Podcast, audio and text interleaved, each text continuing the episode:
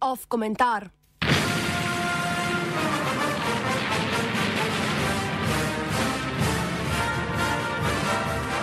Križi in težave demokratične diplomacije.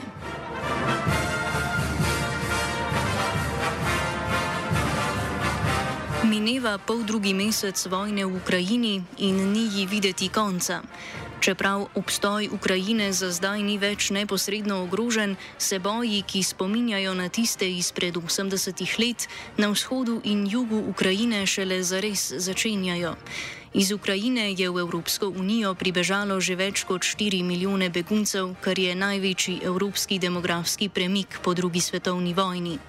Kot posamezniki lahko beguncem pomagamo z nastavitvijo in prostovoljnimi humanitarnimi akcijami ali protestiramo in objavljamo protivojne prispevke na socialnih omrežjih.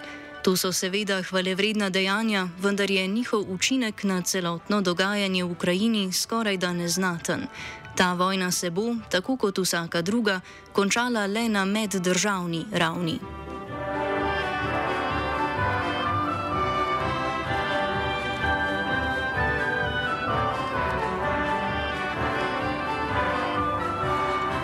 Vprašanje je, kako bodo Ukrajina in zahodne zaveznice dosegle dokončno prekinitev ognja.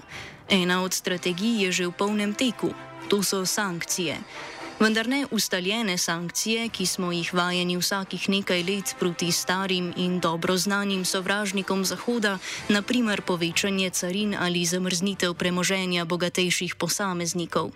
Tokrat bo govora o ukrepih, ki se jih mednarodne skupnosti poslužujejo le vsakih nekaj desetletij. Natančneje, beseda bo tekla o izključitvi Rusije iz sveta Evrope in sveta Združenih narodov za človekove pravice.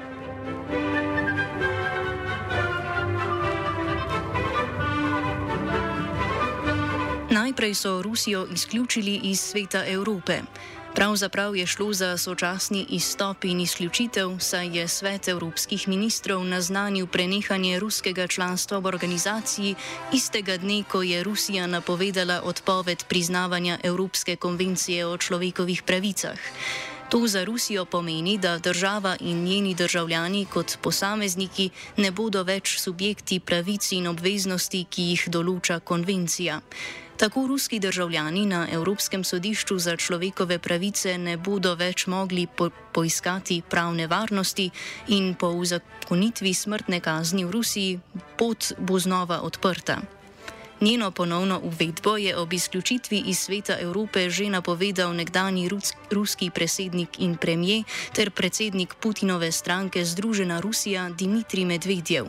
To je bil tudi eden glavnih razlogov, zakaj Rusija in sveta Evrope niso izključili leta 2014, ko so ji ob priključitvi Krima začasno oduzeli volilno pravico.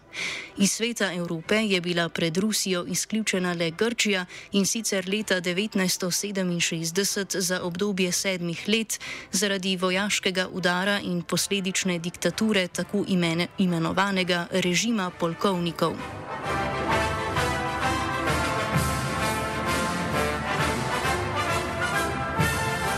Prejšnji teden je Rusijo izključil tudi svet OZN za človekove pravice z utemelitvijo, da država, ki sistematično in odprto krši človekove pravice, ne more biti njegov del. Predtem je svet leta 2011 ob zatonu režima Muamerja Gaddafija izključil Libijo, leta 2018 pa so pod vodstvom predsednika Donalda Trumpa protestno izstopile ZDA. V svetu sedijo predstavniki 47 držav s triletnim mandatom. Svet za človekove pravice razpravlja, opozarja, ocenjuje in pripravlja končna poročila o statusu varovanja človekovih pravic v kriznih žariščih in mirnih regijah.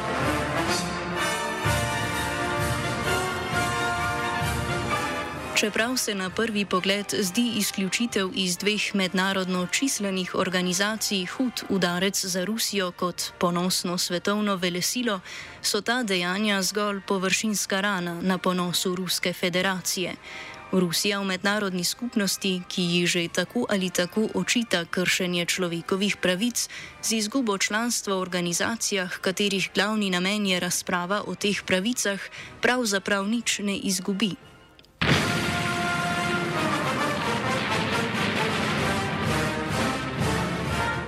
Neposredno zelo malo izgubita tudi obe organizaciji, ki sta razveljavili članstvo Rusije.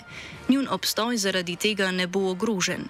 Bolj usodno pa je vprašanje, kaj nam taki ukrepi povedo o organizacijah, ki jih izvršijo. Svet Evrope je z izključitvijo močno zmanjšal možnost iskanja pravnega varstva človekovih pravic 144 milijonom ruskih državljanov, saj ne morejo biti več subjekti odločanja na Evropskem sodišču za človekove pravice. V tem oziru je ukrep Sveta Evrope podoben populističnemu dejanju Zuckerbergovega spletnega giganta Meta, ki je na svojih družbenih omrežjih dovolil sovražni govor proti Rusiji v okviru vojne v Ukrajini. Izključitev Rusije iz obeh organizacij vzbuja občutek, da se je mednarodna skupnost zaradi dejanj zgolj enega diktatorja odpovedala varstvu in skrbi za življenja milijonov ljudi, ki že desetletja živijo v njegovem totalitarizmu.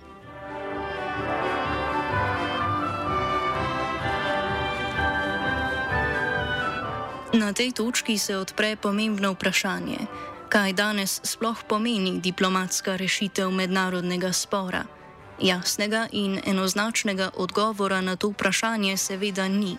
Lahko pa si pri miselnem procesu pomagamo s primerjavo iz še žive zgodovine. Na dan ruske invazije na Ukrajino se je Evropa znašla v podobni situaciji kot 1. septembra 1939 ob nemškem prečkanju polske meje. Za zdaj se iz vojne v Ukrajini ni razvil svetovni spopad, kot se je iz nemške operacije na Polskem, vendar je tudi takrat obstajala krovna mednarodna organizacija, ki bi ga lahko preprečila, predhodnica današnjega UZ1, Društvo narodov.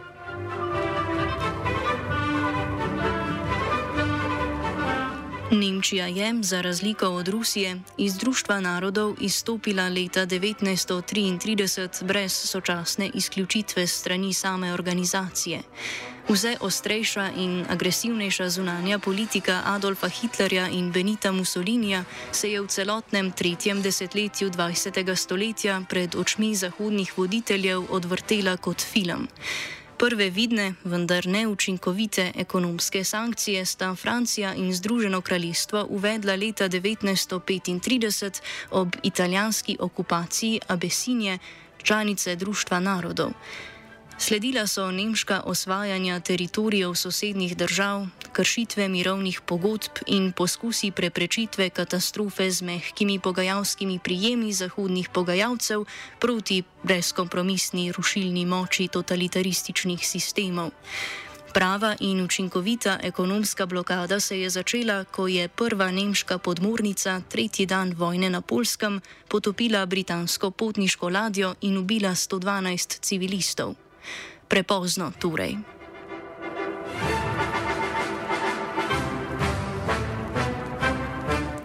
Današnjega konflikta v Ukrajini seveda ne gre enačiti z drugo svetovno vojno.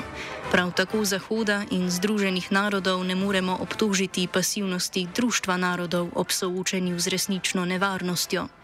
Današnje meddržavne organizacije imajo veliko večjo vlogo in moč nad posameznimi državami kot organizacije pred letom 1939.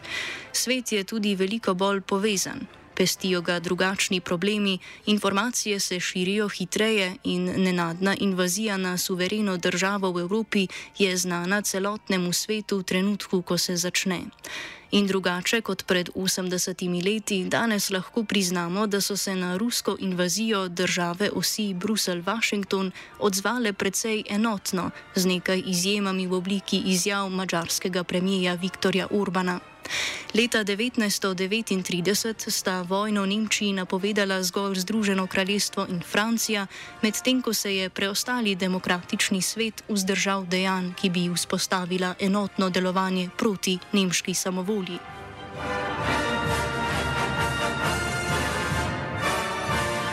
Kljub enotnosti se morajo zahodne zaveznice in še posebej Evropa vzdržati prekomerne uporabe sankcij, ki Rusiji v resnici sploh ne bodo škodile, kakršna je izguba članstva v svetu Evrope in svetu OZN za človekove pravice.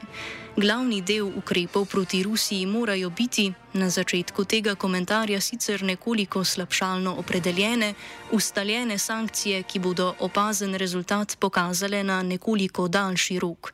To so ustaljene sankcije, ki pa natančno merijo tja, kjer Putina najbolj boli. Ne v varstvo človekovih pravic ali članstvo v meddržavnih svetih, temveč v njegovo denarnico.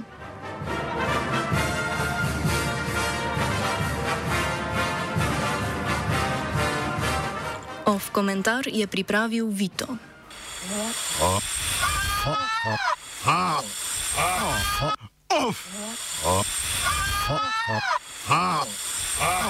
Off komentar.